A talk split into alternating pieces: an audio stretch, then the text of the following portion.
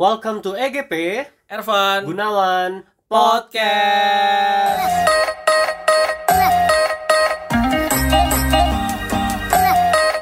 Alright, gimana Van? How's your weekend? Seru seru. I just miss like the biggest opportunity in my life for this year. What happened? Apa yang terjadi? Uh, basically gue ada opportunity untuk uh, pergi, Hmm. tapi karena di rumah gue lagi ada orang, akhirnya gue nggak bisa pergi deh. Oke, perginya sama Friends. Tanda Friends. kutip. Friends. Nah, friends ada S-nya. friends RS-nya, but How how about you? oh so you you spend your uh, weekend with family ya. Kalau gua ya kayak udah cukup lama gua nggak spend weekend with my friends. Kayak- Friends. Iya. Um, what, last week I spent with my family. Mhm. The week before I spent uh, with uh, doctors and nurses. Jadi check up di rumah sakit. Um, lo sisanya udah sama berbaring di kasur aja. Um, but ya ada strange thing adalah ini ya mungkin kalau dulu zaman SMA atau zaman kuliah kayaknya setiap weekend tuh pasti nyari plan sama apa sama sama teman-teman. Betul, setuju, teman-teman setuju. kuliah teman-teman sekolah teman-teman daerah what whatever it is gitu.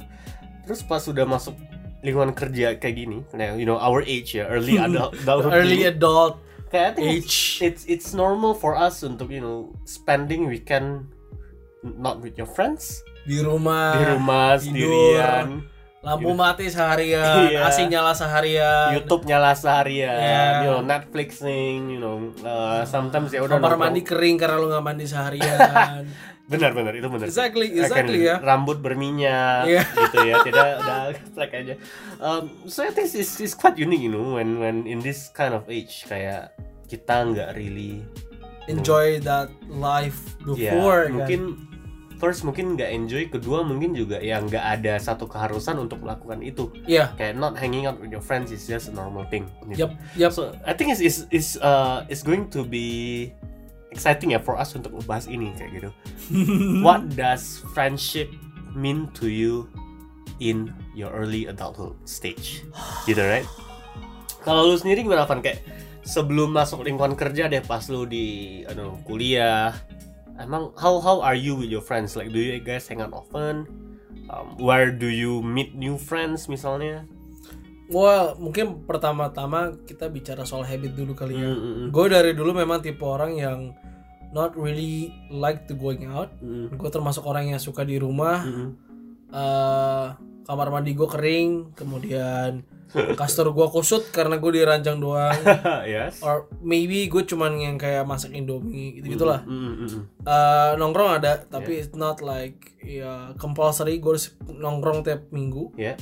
Tapi tetap ada nongkrong sama teman. Mm, mm. Eh, di mana gue ketemu teman baru biasanya dari hari-hari gue di kampus. Mm. Hari-hari gue di gue lebih terbuka untuk berteman itu sebenarnya di di kampus sih. Oke. Which is gue kuliah di luar kan Mm. dan harus adapt to the society, harus adapt ke environment, harus adapt di, eh, di cara orang bersosialisasi selama gue di sana. Mm, mm. Jadi otomatis gue bergaul itu sebenarnya di hari biasa. Mm, mm. Pulang kampus karena gue sehari cuma tiga jam, Mm, Oke. seminggu cuma That's 12 nice. jam, 4 Iya. hari doang gue kuliah. Enak banget. Jadi gue pulang kampus pasti bergaul. Nah, Sabtu Ah. minggunya gue di rumah. Mm, mm, Tapi itu cara-cara gue sih. Cause I don't think uh, untuk spend money on weekend itu wise. Karena kan gue di dulu gue di Singapura ya. mm. Mahal coy. Ya, Aku aja. 2 dolar coy di sevelnya. Mm. How about you Gunawan? Um, mungkin teman-teman bisa sambil ini ya flashback bareng ya kayak dulu pas kuliah tuh gimana. Karena gua gua yakin banget ini topik yang kita bahas hari ini kayak teman-teman pasti bakal bisa relate banget gitu ya about this kayak you know, regarding friendship and Zaman stuff. dulu tuh ya. zaman dulu. Cie. Um, Habis bareng. Pegangan tiang bareng. Pegangan tiang bareng, Sama ya. sama teman-teman. Bener ya, Ya. teman-teman ya. Kalau gue sendiri sebelum masuk kerja, again mungkin kalau teman-teman yang udah sering dengar podcast ini udah tahu kalau gue tuh dulu termasuk anak yang aktif organisasi pas kuliah. Hidup gue tuh adalah untuk eh, organisasi. Mhm. Kuliah itu adalah kegiatan tambahannya. gitu ya. jadi Untung lulus cepet Untung tepat lulus. waktu ya. Iya, tepat waktu juga gitu. Jadi gua sebenarnya bayar biaya kuliah itu untuk ikut organisasi, bukan itu eh, untuk ambil kelas kuliah gitu ya. Um, so ya, uh, jadi karena gua sering aktif organisasi itu full uh, Mhm. week, weekday, weekend udah apa ya? Mungkin pas awal semester, semester 1, semester 2 mungkin gua masih bisa ngerasa ini apa artinya weekend, apa artinya pulang kuliah Weekend, weekend. gabut gitu ya. Setelah semester dari semester 3 ke atas di mana pas gua udah mulai aktif organisasi itu gua udah kayak no life banget lah hidup gua itu benar untuk organisasi dari pagi sampai malam nggak ada kelas berarti gua akan ada di sekretariat gua atau uh, headquarter organisasi gua kalau jam jam kuliah ya udah gua kuliah tapi setelah itu gua tetap same goes on weekend. Um, gua biasa ngurusin event pas weekend. Gue biasa ngadain meeting pas weekend. Gue biasa ada acara know untuk anything meet board meeting meeting dengan uh, all organization committee those kind of things. Jadi weekend gue I can say teman-teman gue gitu-gitu aja. I don't really get new friends. My new friends is uh, anggota baru organisasi yang nambah tiap tahun. Uh, di luar itu nggak ada teman-teman baru lagi cuma segitu so yeah I can say uh, I spend a lot with friends. Uh, gua nggak pernah ngerasain gua nggak pernah lah jarang banget ngerasain yang namanya kayak nggak ngapa-ngapain di kosan. Money spend untuk uh, hangout with teman-teman organisasi itu bakal selalu ada. Mau itu cuma makan indomie mau itu cuma mampir ke anu mall-mall terdekat CP TA CL but selalu ada kegiatan sama teman-teman gitu ya. I see, I see. in which uniquely ini akan kita bahas selanjutnya it is totally different dengan gua sekarang Ya. Um, jadi gini dulu gua pas kuliah kan ngekos ya Mhm. pas lulus kuliah gua masih ngekos tapi Mhm. masih di lingkungan kampus in which Aha. teman-teman gua masih ngekos juga Ah, oke. jadi pas awal-awal lulus kuliah mungkin kayak gue lulus 2016 sampai 2018 itu masih ya mungkin nggak sering keluar tapi adalah makan bareng Oke, oke. adalah nongkrong bareng, ngobrol bareng, ngumpul tiap weekend mau nonton, mau gosip, mau main game doang, board game terus kind of thing. Itu ada. Jadi I can say nggak bosen. Um, terus juga pas awal lulus kuliah kerja kan ya adalah baru dapat tahun-tahun baru dari lingkungan kantor terus kind of things. But then again kebiasaan untuk ngumpul tuh bakal selalu ada. Kebiasaan untuk jalan-jalan ke mall tuh bakal selalu ada. Kebiasaan untuk jalan-jalan hangout tuh bakal selalu ada. Anak mall banget ya Gunawan ya? Anak mall eh gimana ya dari di Jakarta cuma ada mall sih. Bisa ngapain gila, lagi? Gila, gila, gila. Oh, oke. Dulu konteksnya karena masih ada pasangan, jadi jadi hangoutnya masih ada sama pasangan di luar teman ya. Jadi Bahagia banget gue dengerin gua- nih. Dulu masih punya pasangan dulu loh. Gua nggak kenal yang namanya nganggur di kosan nggak ngapain itu. Bohong. gua nggak kenal itu. Lu ya. gak pernah Netflix and chill gitu? Enggak, enggak. Enggak men, kayak gua dulu beneran anaknya hangout hangout banget, hangout banget, uh, hedon banget, spending duit banget. borju, borju. Berju, berju karena ini ya eh, nafsu untuk eh, hangout ya, bukan Oh. karena kekayaan tajir dari lahir gitu ya. But ya, strange things change gitu. Pas oke, pas setelah gua di 2018 masih sama di lingkungan kosan yang dulu dekat kampus sama teman-teman. Mhm. Akhir 2018 gue udah pindah kosan lagi lebih dekat ke kantor. In which gue nggak dekat lagi sama teman-teman main dulu. Mhm. in which berarti gue nggak ada dorongan tiap weekend untuk ngumpul nggak ada dorongan untuk hang out with my friends.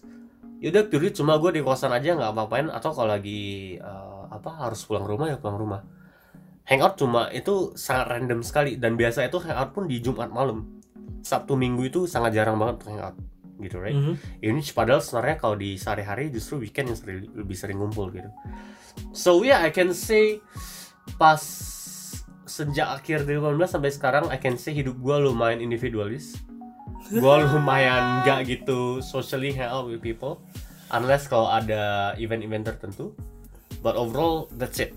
Jadi I can say friendship in my case itu sudah nggak sekental dulu gue jadi lebih hidup sendiri apa-apa tuh lebih sendiri. Jarang ada chat sama teman-teman. Di grup jarang aktif di grup jarang ngebahas untuk ke mana ng- ngobrol something itu udah nggak ada. Dan ya kalau dengan teman-teman kuliah aja kayak gitu apalagi dengan teman-teman daerah. Yang sekarang gue bisa bilang ya udah ya udah cukup banyak lah sarang laba-labanya. Kayak udah banyak pemakaman di sana. Saking sunyinya ya nggak ngapa-ngapain. so ya is- saat ini gue situasinya kayak gitu. Kalau sendiri gimana Van saat ini situasinya? Kita ini bukannya gue buat-buat ya Iya, iya. Gunawan dan teman-teman yang dengerin Hmm. tapi gue kebalikan sama Oke. Gunawan Oke. gue dulu yang lebih di rumah main CSGO Hmm. mungkin lu bisa tanya tuh teman-teman gue yang di Singapura gue lebih anak rumahan sebenarnya gue jarang banget hangout Hmm. hangout juga mungkin kayak dua minggu sekali weekendnya atau ketika gue emang lagi nggak hangover aduh ketika gue lagi sober Heeh. gue kan pergi gitu Hmm. aduh kalau mah gue denger sih mati gue Enggak. Enggak. mau mau pendengar podcast kita. Eh, enggak sih Enggak sih ya. Oh basically ketika gue udah kerja sekarang Hmm. karena gue sibuk kan gue anak event jatuhnya ya Hmm. gue lumayan sibuk di weekday Hmm. otomatis hidup gue cuma di weekend Hmm. dan entah kenapa di hari Jumat malam Hmm. selalu gue punya urgency untuk ajak orang pergi Oke. every night Heeh. Uh, even though gue lagi tanggal tua Hmm. gue lagi kurang sehat Hmm. gue bahkan besok ada event Hmm. gue pasti ada urgency untuk telepon Hmm. either Gunawan atau gue telepon siapa pun yang kayak Hmm. oh lu di mana you hangout Hmm. Hmm. ketika di hari Sabtu bangun tidur gue udah mikir hari ini gue mau ke mana Oke. hari ini gue mau ke mana Oke. gue bisa ajak either uh, teman kantor yang kebetulan tinggal di daerah dekat gue dekat uh, rumah weekday gue jadi gue sebenarnya tinggal di dua tempat tinggal lah. Hmm. di weekend gue tinggal di Tangerang di weekdays eh weekdays gue di Jakarta weekend gue di Tangerang. Uh, jadi teman-teman gue terbagi gue besar di Tangerang. Jadi mostly teman gue semua di Tangerang. Hmm. Kemudian gue spend waktu di Singapura Hmm. pas gue di Singapura teman-temannya tuh teman-teman daerah semua Oke. Palembang lah Surabaya Hmm. lah Medan lah Uh, jadi sampai gue balik Jakarta teman Singapura itu dikit Hmm. teman kuliah gue dikit sebenarnya di Jakarta baru gue kerja kerja pun teman-temannya tuh terbagi lah Hmm. like I don't really play along with my office colleagues Ya.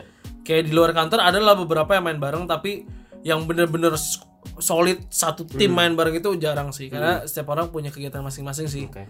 tapi itu gue merasa di ketika gue kerja urgensi gue untuk nongkrong untuk main bareng buat Ya. uh, s- kita ngobrol sesuatu yang di luar uh, kerjaan itu makin tinggi urgensinya Hmm. gue capek jujur gue capek. Kayak gue tiap Jumat eh nongkrong yuk. Sabtu, weh nongkrong yuk. Minggu, weh nongkrong yuk. Hmm. capek Agree, agree, tapi kalau gua nggak kayak gitu gue bisa stres Hmm. gue eh, ketika gue kuliah gue bisa tuh di rumah literally cuma nyalain laptop nonton atau main CSGO 24 jam Hmm.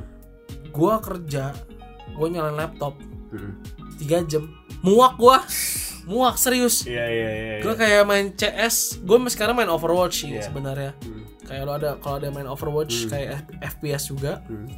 Gue maksimal main sejaman Hmm. bosen gue mati laptop gue main PUBG di HP Hmm. sekuat-kuatnya baterai gue juga paling bisa main 4-5 game doang Mm-mm. habis itu gue harus HP gue Iya. udah gue cengok udah kayak berkarat gitu oh my god is this my life Iya, itu nggak iya, nggak iya. seru sama sekali Iya iya, agree agree. Kayak I think teman-teman harusnya familiar ya dengan terms uh, introvert, extrovert, ambivert gitu ya. Kalau dari cerita kita berdua tadi kayak bisa kelihatan mungkin Ervan lebih tipe extrovert. iya iya Gue mungkin oke extrovertnya kayak nggak se Ervan. Uh, mungkin ya kadang-kadang lah lihat mood angin-anginan jatuhnya. Jadi mungkin bagi tonton yang belum gitu familiar introvert, extrovert, ambivert itu apa? Basically ini adalah suatu uh, personality di mana bagaimana um, pasti gimana bagaimana bagaimana gimana, gimana kenapa gimana dan iya uh, so basically membahas seseorang gimana sih cara dia untuk mendapatkan energi Mhm. Extrovert berarti dia mendapatkan energi dari uh, orang lain in which kegiatan sosial Yup. having fun chatting with people partying itu dia baru ngerasa refresh. Introvert itu kebalikannya. Jadi lu baru dapat energi ketika lu fokus ke diri lu sendiri. Lu hening lu nggak interact sosial. You you spend your time by yourself you just have fun with yourself lah kurang lebih kayak gitu. Ambivert itu yang di tengah-tengah. Jadi gue kayaknya lebih ambivert lebih ambivert gitu. Cause sometimes I feel uh, tired sih when Mm-hmm. I socialize with new people. Kalau gue nongkrong sama teman-teman kayak yang udah lama, Mm-mm. like uh, ya udahlah gitu. Cuman kalau misalkan dia bawa teman baru, Mm-hmm. kemudian gue kayak ah, bisa nggak sih kita nongkrong nggak ada ada orang baru gitu. ah oke Cause ya gue harus basa-basi lagi karena Mm-hmm. jujur ya gue di kantor itu dipanggil si tukang mingle. oke Kerja gue cuma mingle doang ke mana pun. uh, gue pernah lagi event di Yeah. ASBSD. Mm-mm. Uh, kebetulan kan gue nyampe jam jam tuj jam jam tujuan jam Iya. tujuan. Nyampe di booth gue. Hmm. teman gue beresin booth gue. Gue jalan ke booth sebelah gue ngobrol sama tukang yang masang. Wow. terus teman gue insta story asli dia Wow. taruh di story dia pagi-pagi udah mingle sama booth sebelah. Udah terkenal gue suka Oke, mingle. oke. cuman gue ada batasnya. Gue nggak bisa yang kayak terus-terusan tiap hari gue ketemu orang baru. Bisa Yes, yes, capek gue Nah mungkin ini juga salah satu contoh bagaimana Ervan mendapat teman baru ya yes Di- yes di exactly di konteks uh, you know this early adulthood sendiri. Nah mungkin tonton juga udah sering dengar um, kayak when you get older your friends numbers get smaller. agree. Jadi mungkin pas awal dulu kuliah mungkin teman-teman uh ada 30-an orang gitu ya. Pas dikit ya? Dikit ya 30 kita orang ya? teman yang sering hangout lah, yang sering kalau teman ya. Facebook ya bisa seribuan Facebook, tuh. Ya lumayan lah tuh batas udah lima ribu ya, Oke. gitu. Nah terus mungkin pas lulus uh, kuliah berkurang nih karena orang mungkin udah mulai sibuk nyentuh Hmm, kerjaan hmm, ya. betul. Mungkin jadi sisa belasan terus masuk dua tahun setahun dua tahun kerja itu udah biasa eliminasi. Udah tinggal dia di bawah 10 terus Indonesian mungkin Idol nih kayaknya. Terus mungkin di, di akhir 2 tahun masuk tiga tahun itu harusnya udah mulai kepotong sih. Lu udah bisa ya lima lah harusnya lu. Lu bahkan udah mulai susah gitu udah nyebutin eh Gun coba sebut deh lima teman terdekat lu yang lu biasa ngajak hangout. Lu udah bingung kayak hmm, satu siapa? Hmm, kira-kira satu Ervan dua siapa ya nggak ada ya sama Ervan deh jadi kalau misalnya Ervan nggak bisa ya udah di rumah aja hening gitu so um, jadi kalau kalau mungkin kita bisa bahas ya kayak mungkin sebelum kita lanjut Mhm. mungkin kita bisa bikin sedikit challenge dulu nih Iya, buat iya. teman-teman mm-mm. coba ya eh, teman-teman gue kasih waktu 10 detik Iya. kalian mikir 10 teman Mm-mm. yang sekalian suka nongkrong bareng Mm-mm. dimulai dari sekarang ya Iya. 10 9 nggak yakin ada sih coba gua, coba Gunawan coba ya di Iya, sini iya, iya. gue ulang lagi dari 10 ya Iya. 10 9 8 7 6 5 4 3 2 1 Berapa orang yang lu dapat Gun? nggak nyampe lima deh. Nggak nyampe lima. Nggak nyampe lima. Dan itu juga akan berbeda temen pas weekend dan temen pas week weekday ya. Kalau dihitung temen pas weekday itu berarti lebih dikit lagi gitu. Iya kepotong sih. lagi nah anu temen-temen sendiri emang gimana apakah kepikiran Ada yang dapat 10 mungkin dapat Ada 10 temen. 15 Kalau ada wah gua gua salut sih sama kalian dengan persahabatan kalian bisa apa bertahan sampai saat itu. ini gitu ya. Iya. Maksudnya kalau mungkin gini ya kayak mungkin gua kita bisa bahas kayak apa sih yang bikin teman-teman ini akhirnya tereliminasi. Right? Gitu ya. Kurang SMS Kalau SMS eh, apa ya? Mungkin kalau konteks gue ya, eh, Mhm. ini konteks anak yang merantau nih.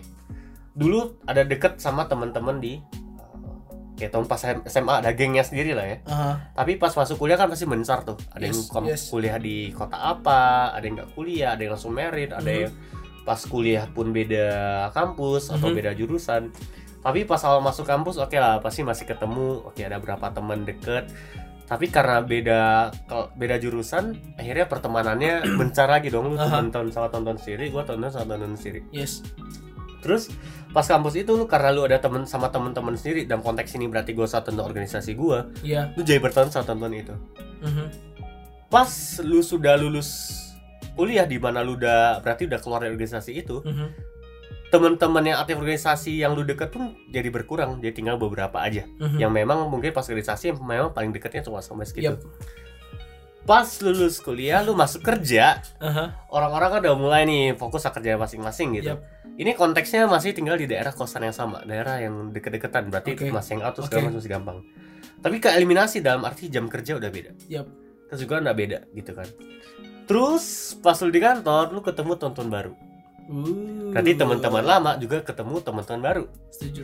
berarti ketika lu hangout udah jarang nggak cuma hangout sama Udah mereka beda kelompok. beda kelompok right terus dengan konteks Terus lagi, terus. lu capek nih. ini Ngap banyak nih eliminasi ini. Banyaknya tonton mungkin bisa sambil pikirin juga ya kayak kapan sih tahap di mana temen-temen mulai berkurang gitu.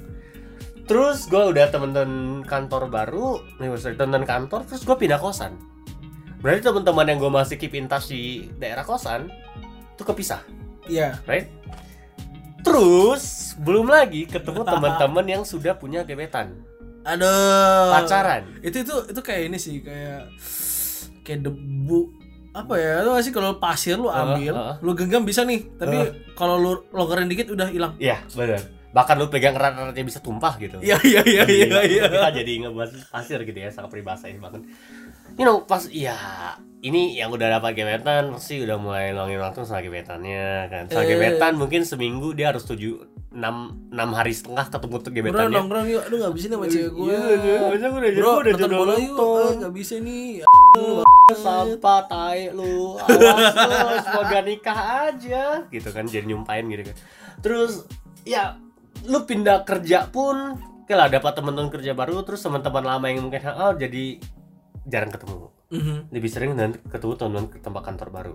Terus itu kalau beruntung lu dapet teman kantor baru bisa diajak pas weekend. Yes.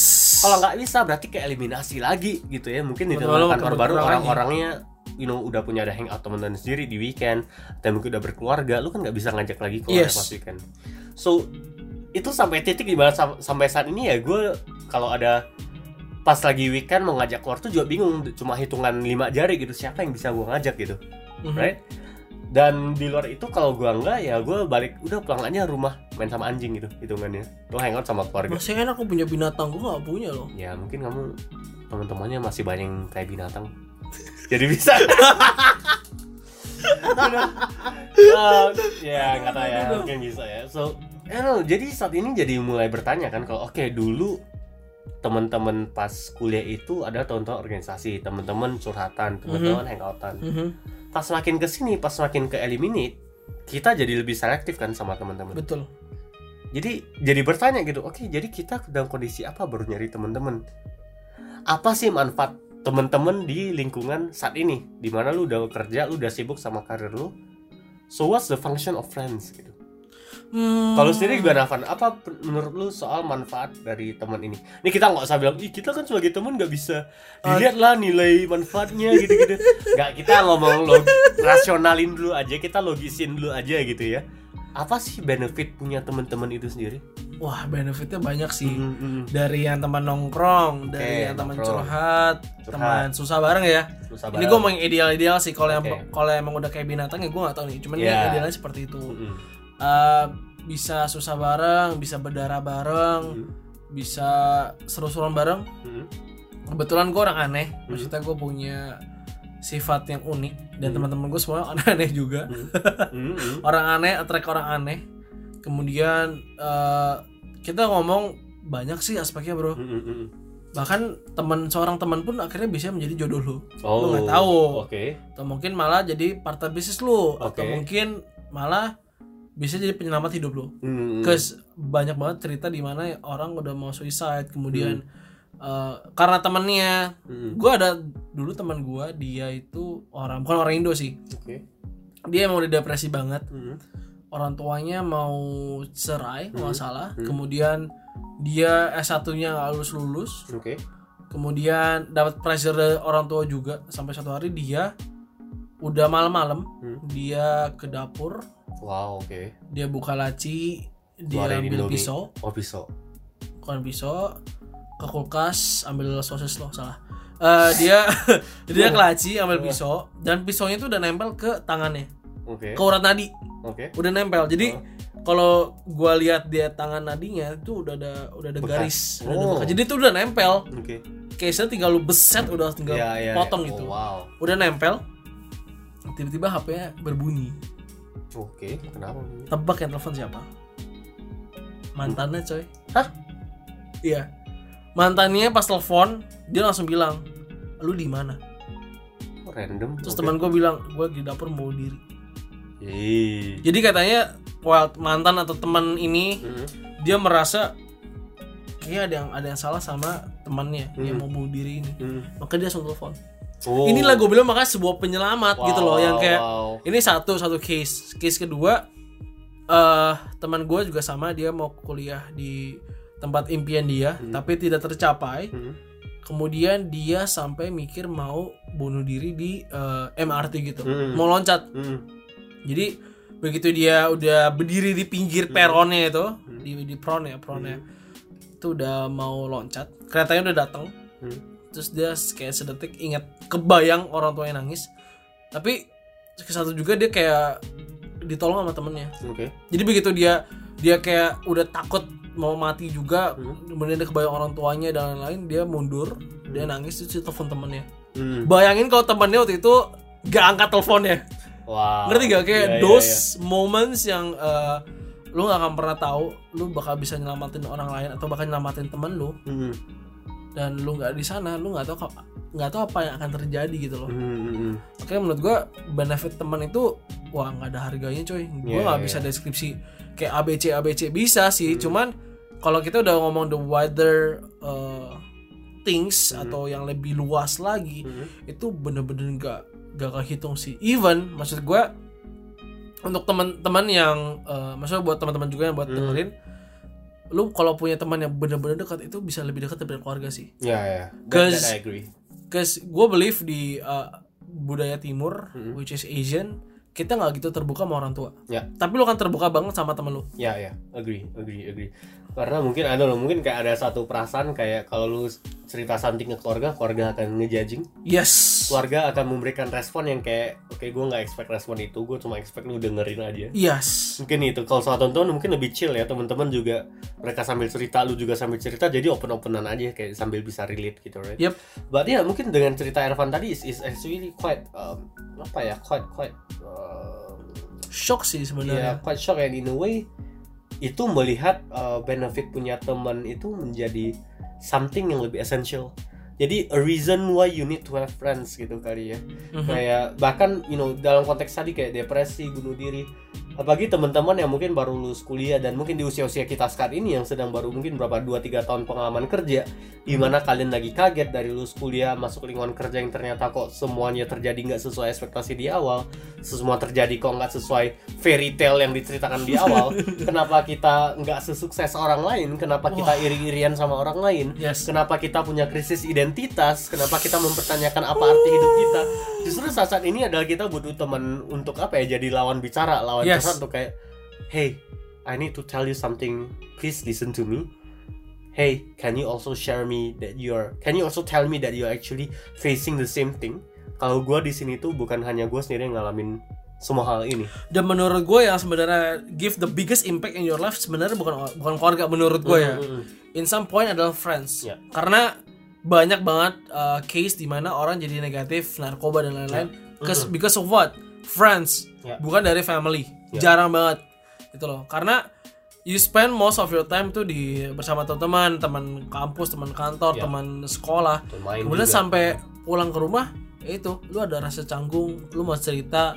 Nggak mungkin dong lu cerita ke orang tua lu, lu habis hangover. Hmm, itu satu. ya, ya. Atau mungkin, mungkin lu yang kayak gue habis, uh, I don't know, mungkin lu pergi pijit plus plus dan itu nggak mungkin lu cerita ke orang tua ya, gitu kan. ya, ya. Which is lu akan cerita ke teman-teman lu. Hmm. Dan akhirnya balik lagi teman-teman lu apa ada apakah mereka yang positif ataukah mereka yang negatif it all depends on you. Ya ya Agree. jadi ya makanya orang bilang kayak berhati-hati bergaul dan stuff gitu kan. Agree agree.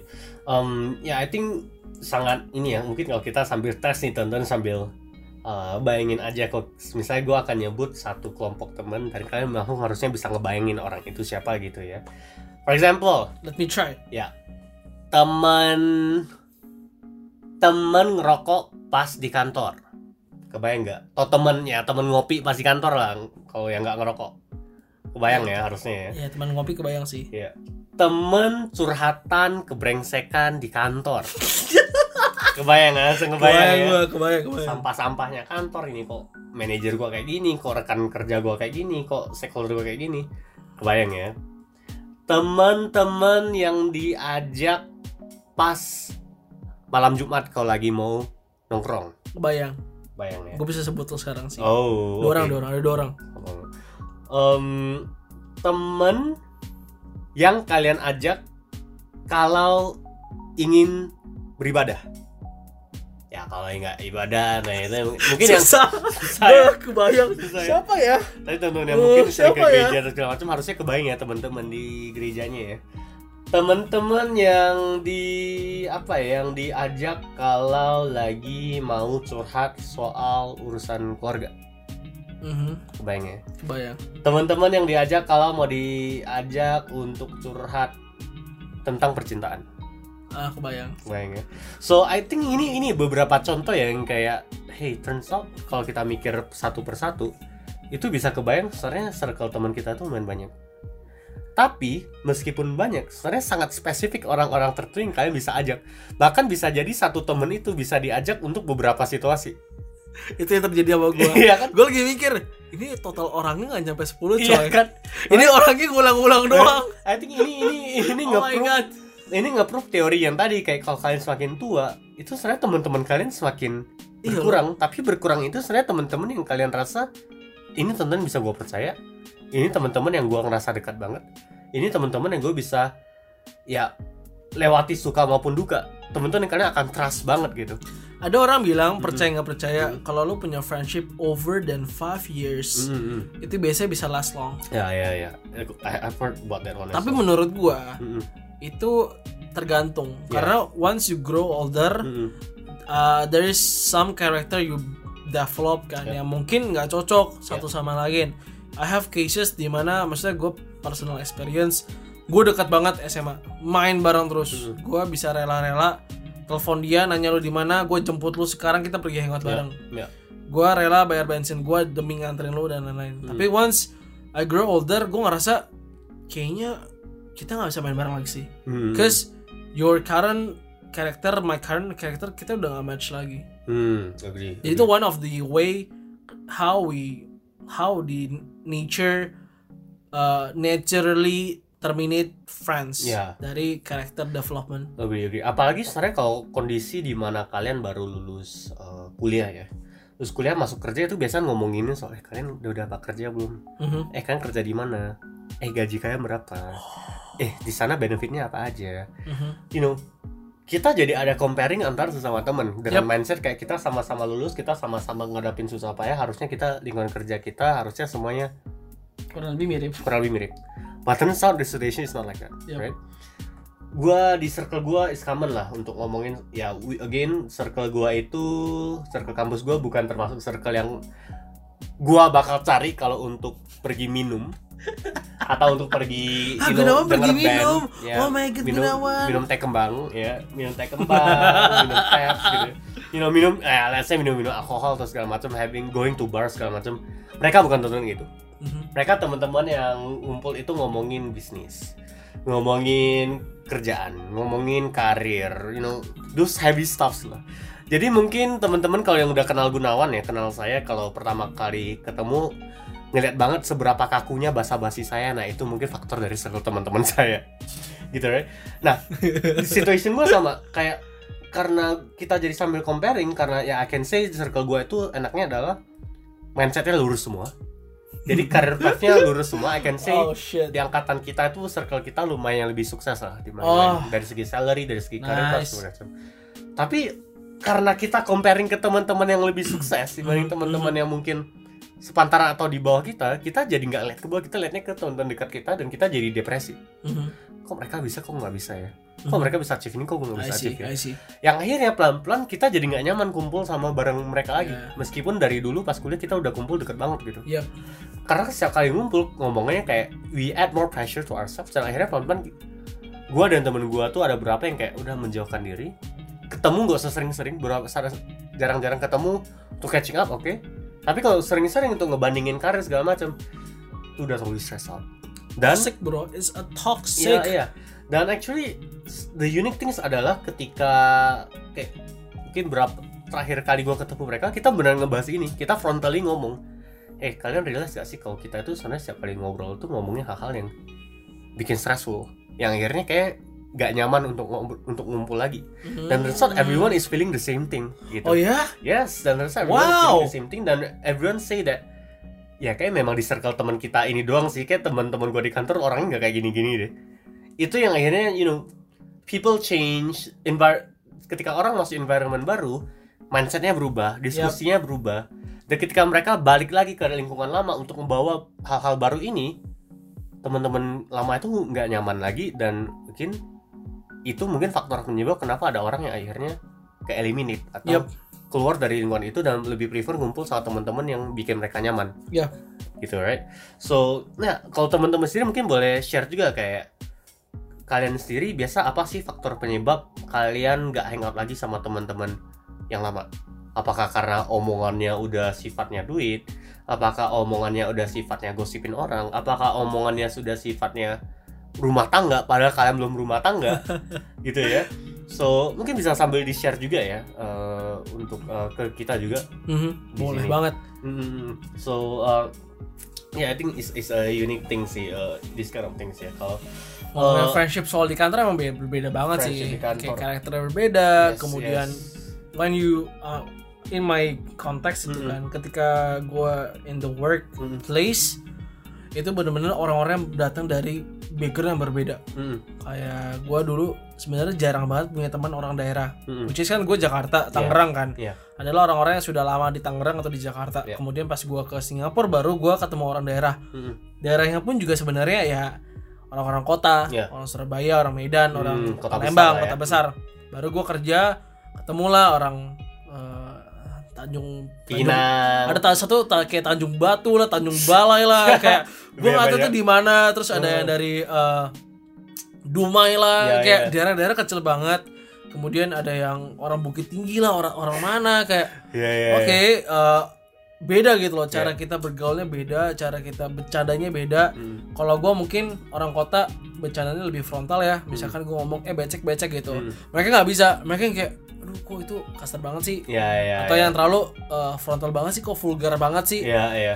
Gue baru berasa sih yang kayak, oh ya gue pas kantor ini gue ketemu orang yang memang berbeda, umurnya beda, backgroundnya beda, Mm, even though sama-sama Tangerang mungkin orang tuanya dari Singkawang gue orang tuanya dari mana and then ketika gue mingle itu sejujurnya gue termasuk yang random. Mm, gue bukan tipe yang kayak eh, kaku-kaku Yeah. datang hai. Gue pasti ada kayak ajak bercanda. Mm, makanya mungkin dari situ bisa keterima. Mm. cuman orang melihat gue mungkin teman-teman yang udah pernah boleh dong di share kayak misalnya kesan pertama ketemu gue kayak gimana sih? Mm, banyak yang bilang gue kata innocent Yeah, kayak gue putih banget mm. ini orang lucu banget ini orang nggak jelas banget. Oke. Eh, sok asik lah gue Iya, nggak tahu iya. nih mungkin teman-teman bisa share di, di kita ada blogspot ya iya. dan eh, lu bisa buka juga di blognya bisa komen di IG kita Mm, juga mm. Eh, dan terkadang gue merasa ya gue harus bersikap aneh biar gue bisa diterima orang Mm, mm. karena the most common thing yang orang bisa terima adalah kekonyolan seseorang Yes, agree. humor Iya. humor itu gampang banget buat orang terima Mm, mau dia emang receh mau dia yang humornya kalau humor udah sarkas susah sih. Iya. nggak semua orang ngerti. Tapi kalau humornya humor receh gue percaya semua orang ngerti. Iya, iya. makanya gue termasuk orang yang sangat konyol. Hmm. gue suka bikin bencana-bencana receh. Dan ada beberapa orang yang juga bilang ke gue kayak istilahnya kok Ervan kayaknya konyol banget ya kayak istilahnya everything bisa diketawain sama Ervan. Mm, mm, mm, mm. dan, dan mungkin dari itu gue bisa dekat sama orang. Tapi balik lagi ketika gue bergaul sama yang orang daerah itu Iya, iya. agak susah gitu kayak aduh ada ini penetrasi susah, susah Penet- banget ya Pilih katanya penetrasi banget nih. Oke, baik. penetrasi HP di tahun 2018 setelah Oke, menikah sepanjang benar-benar ekonomi ya jadinya. Iya. Oke.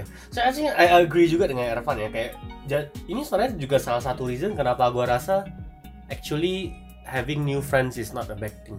Dalam arti kayak meskipun gua makin ke sini makin mungkin nggak se socially aktif seperti itu ya mau hangout sama orang dengan orang. Mhm. Tapi kalau setiap ada kesempatan untuk ketemu orang baru, dikenalin teman baru, gua nggak akan pernah nolak.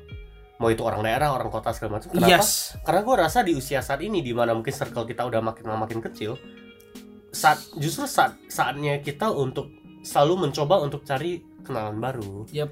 koneksi baru mau itu nanti kepentingan untuk bisnis lah untuk teman curhat segala macam tapi di luar itu satu hal yang gue pegang sendiri adalah I want to meet new people I want to meet new personalities I want to know more kinds of people. I want to know how they think. I want to know how they see things. I know I want to know what kind of topics they are discussing. Jadi gue gak mikirin jangka panjangnya ini bisa benefit untuk bisnis atau segala macam dulu.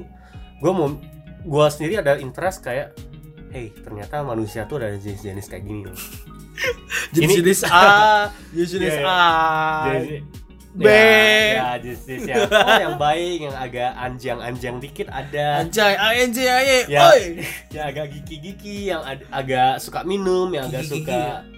gigi-gigi. Kinky. Oh, kinky, yang kinky. you know, I think uh, justru saat-saat ini adalah di mana kita nggak dibatasin dengan teman-teman hanya sekedar tonton kuliah atau tonton kerja tapi tonton yang justru kita iya masih bi- bisa akan ketemu teman-teman yang kita nggak pernah expect sebelumnya gitu Yes. karena dikenalin dengan dikenalin oleh teman-teman lu yang lain Yap. so I think it's a it's a very fun thing to do Yep. gitu ya Um, nah mungkin last discussion untuk uh, kita Topik Van, ini. Mhm. bener topik ini menurut lu sendiri what do you think about friends kayak what does friends mean to you itu pertama terus kedua how do you know if you want to be friends with certain people bakal dari personality-nya atau lu ada menunjukkan something Mhm. What? Jadi yang pertama, what does friends mean to Yeah. me? Kedua, uh, how do you know if that person will be your friend or how do you know or how they know that you actually treat them as friends Ooh, that's so deep. Oke, pertanyaan pertama ya. What friends means to me? Hmm. It means everything. Kayak yang Oke. gue bilang di awal, teman bisa jadi apa aja. It can be your hero, your Hmm. friends, kayak misalnya curhat gitu. Bisa jadi teman nongkrong bareng, susah bareng dan Hmm. lain-lain. And gue bisa bilang yang tadi gue mention juga di awal bahwa the biggest impact in your life maybe is not your family but it's your friend. Mm-mm. Aku gue bisa bilang friends like mean everything to me ya uh, if you have friends yang udah deket banget udah udah years Mm. keep it Mm. Mungkin terkadang lu kesel. Gue sering kesel sebenarnya sama teman baik gue pun. Ya ya cuman menurut gue lu bayangin lagi lu butuh berapa lama buat build this Hmm. uh, relationship kemudian lu hancurin cuma gara-gara lu diserobot. Ya ya Nah, mungkin paling gampang sebenarnya masalah cewek sebenarnya. Mm. berantem gara-gara masalah pacar. Itu kayak wah benar. Cuman maksud gua gak it's not worth it gitu loh. Apalagi lu udah temenan yang udah lebih dari lima tahun. Mm. jadi friends is like really everything to me in every aspect in my life. Mm. ada temen Mm. even kalau orang boleh bilang my parents are my best friend. Ya. Ya kan? Ya. Maksud gua teman udah bukan cuma status tapi lebih kayak sebuah hubungan. Mm. is a relationship lah. Ya ya. Oke. even kayak lu sama parents lu pun bisa jadi teman jadi best friend and stuff. Uh, kemudian untuk yang kedua berarti apa tandanya? What's the sign? What the sign? Kalau lu you treat them as your friend atau what kind of things yang they need to do dan Mhm. lu baru rasa oke dia bisa jadi teman gue. Mungkin kita lihat dari flow di awal ya. Mm-mm. when I meet someone gue akan melihat pertama pasti personality masuk nggak? Mm-mm. Uh, gaya komunikasinya masuk nggak? Mm. can they accept my joke? Can I accept uh, accept uh, they joke their joke? Mm. kemudian gue juga melihat sebenarnya gue agak lumayan uh, kayak detektif gitu sih gue akan lihat Oke. backgroundnya gue akan Oh, oke. mempelajari keluarganya ya dan uh, gue selalu melihat bahwa these friends are actually uh, investment Mm. bukan gue kayak misalkan jadikan mereka material cuman waktu gue berharga gitu loh Hmm. why I should spend my time with you kalau lu nggak berharga Hmm. untuk kayak kenapa gue harus uh, invest my time lah invest my money and stuff. Gue pergi sama lu gue nongkrong sama lu why gitu kan? Pasti ada ada reasonnya kan. Hmm. kemudian uh, tadi gue ngomong apa ya? Uh, kemudian gue lupa gue ngomong apa. Gue lupa tadi gue satu, satu, satu kata gue baru pengen ngomong sih. Hmm. eh apa itu? damn it. apa ya gue tadi mau ngomong apa ya gue mana aku anjir tar dulu diem dulu. Eh, oke Friends atau mungkin kasih lu ulang, ya, ulang pertanyaan lagi um, gak gak tadi udah gue mau ngomong ya ya tapi kayak oke what are the things yang mungkin temen-temen ah I Oke. remember I remember Yeah. Eh, when can I tell this person atau orang itu eh, atau cewek ini cowok, cowok itu Hmm. as my friend Yeah. ketika gue mulai giving attention Hmm. gue mulai care sama mereka Hmm. di situlah gue ngerasa oke gue menjadi temen lu ya kalau misalkan gue cuman kayak say hi eh bye bye and stuff uh, lagi hujan kemudian gue ya udah. Ya udah lu pulang sendiri nih gojek gue nggak peduli gitu kan. But when I eh lu mau pulang bareng nggak? Tapi Yeah. gue nggak drop lu di rumah Yeah. drop in somewhere gue akan drop aja gitu. Yeah. or maybe oh lagi sibuk apa? Mau gue bantuin nggak? Hmm. not in like colleague way tapi maksudnya in personal way lah. Kemudian Hmm. lagi sedih lu kenapa gue coba hibur that's a friend for me Hmm. jadi kalau misalkan there is no attention, there is no caring and stuff, well, it's acquaintance lah, it's not a ya friend. See I see I see What about you Gunawan? What friends mean to you? Ya. and lu udah tau lah pertanyaannya kan yang bikin ya ya gue yang bikin ya for me basically as, as simple tadi menurutku teman itu adalah salah satu channel untuk kita bisa explore lebih lagi di dunia ini. Mau itu dari segi interest mau itu dari segi topik pembicaraan mau itu dari segi hobi mau itu dari segi um, anything like information those kind of things I see friends as channels uh, gateway lah for me to reach all of those. Pemandangan gua dibuka pikiran gua dibuka.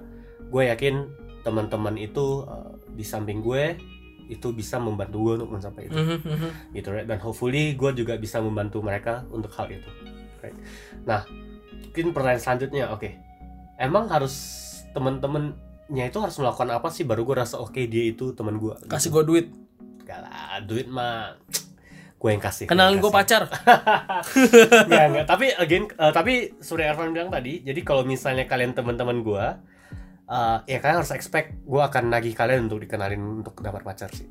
Jadi tanggung jawab kalian gitu ya. Eh, so ya, yeah, I first I see orang yang bisa openly share with me about their family Mhm. itu adalah hal yang gue rasa oke, dia bisa jadi teman. Karena menurut gue family itu Trust. adalah hal yang sangat intim Mhm. that you don't openly talk to people about it. So if you start discussing with me about your family, then I can kind of consider, okay, ini kayak bisa untuk dibawa discuss untuk hal lebih jauh. susah ya jadi teman Gunawan ya Yes, kayak yes. Yes, jadi Gunawan memang ya orangnya kan agak tertutup juga ya sebenarnya. Ya. jadi meskipun gue cerewet gini, kalau kalian notice topik gue tuh nggak selalu tentang hal-hal yang intim. Biasa ngomong sampah doang gitu ya. sampah sampah Sampah, sampah sampah, sampah sampah, Nah itu, jadi mungkin itu satu yang gue rasa, oh oke, itu mungkin bisa kita bisa jadi teman jauh. Kalau gue sendiri, kalau kalian teman-teman gue ini ya mungkin yang dengerin ada yang jadi teman-teman gue saat ini.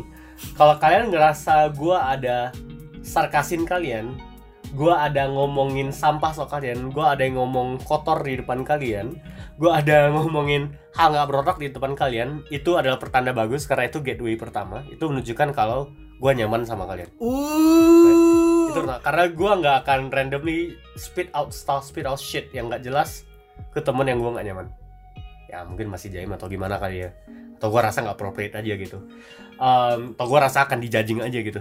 Jadi kalau gue lakukan itu at least itu pertama. Terus kedua kalau gue udah mulai randomly discuss with you about again family stuffs friendship stuffs relationship stuffs gue minta opini ke lu untuk hal intim itu adalah satu pertanda bagus juga pertanda bagus anjir Kayak gitu. But yeah, I guess that's that's from me. Uh, kau tau kalau dari teman-teman sendiri gimana ya? gue nambahin sih Gimana? maksudnya untuk teman-teman nih misalkan gue udah jadi temannya Ervan belum ya gue udah jadi Hmm. teman baik Ervan belum ya apakah Ervan sudah menganggap, menganggap gue sebagai temannya lu bisa lihat dari how I talk to you lah kalau gue udah cerewet soal maybe your personal life gue mulai yang kayak inget dong inget orang rumah Hmm. Ya, ya. jangan keluyuran lo inget nih gue tahu nih gue ada satu orang yang suka gue kata-katain sih gue suka isengin dia pakai istri dia gitu Ya. kayak inget lo istri lo di rumah gitu gitu atau mungkin gue udah mulai cerewet soal kayak you need to develop yourself Iya ya. nggak di luar kerjaan lu harus mulai develop artinya lu udah jadi teman gue Ya.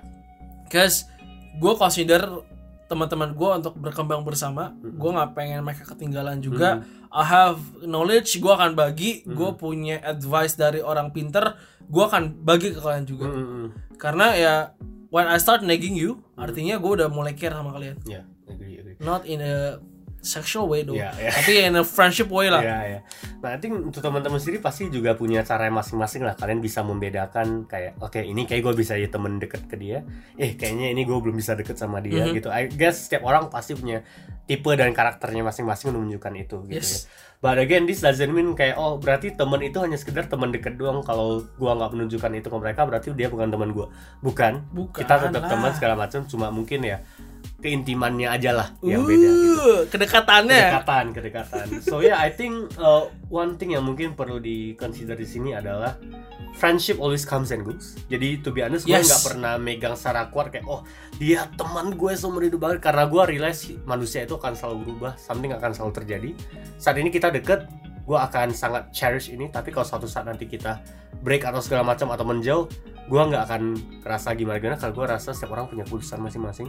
Mhm. friends will come and go so if you have the chance to meet new friends just meet them. Kita nggak tahu kalau ternyata mereka akan jadi teman sekali ketemu atau temen seumur hidup kita nggak akan tahu gitu right? Yes. And yeah if you guys want to ask someone out untuk hangout aja atau kalian diajak orang untuk hangout gitu ya kayak please try to consider kalau di usia saat ini ketika ada orang mengajak kalian untuk hangout berarti you at least mean something to them gitu. So you need to try. Oh my Yeah. god oh my god so you need to consider that gitu kayak oh kemarin gue ditanyain sih gue hari minggu. Eh ditanya apa? datang nggak? Ya itu aku nggak tahu itu mungkin kebutuhan MLM ya kali ya. But yeah please try to consider kalau di usia segini if you are being a friend with someone if you mean more than just a friend to someone then please feel special. Because in this kind of age it's not easy to get friends. It's not easy to maintain friendship. Ya gitu ya. Last word dari gue deh. Mm-mm. be open guys. Be open. Yeah. bisa open minded bisa open uh, I don't know open opportunity open your days to people to join your days. Just being open lah. Ya ya. Gak ada salahnya lah punya banyak temen lah ya, I Yeah. think. So, ya, uh, I guess this is the topic for us today. Ini agak panjang omongannya ya, kayak kayak sebenarnya belum cukup juga sih waktunya. Tapi mungkin kita akan bahas. nggak akan habis-habis ya coy Ya nggak akan habis. Kita mungkin akan bahas uh, selanjutnya di episode yang akan datang. Atau mungkin kita bisa kumpul-kumpul sama teman-teman para pendengar podcast ini. Ini kita bisa Yeay. ngobrol lebih jauh ya untuk ini. So ya, please feel free to follow our Instagram at gunci, gunci ya, dan at Ervan Sugino. yes Mungkin selanjutnya kita bisa ngobrol-ngobrol lebih jauh dari sana. So, yeah, um, we'll see you guys on the next episode then. Bye bye. see ya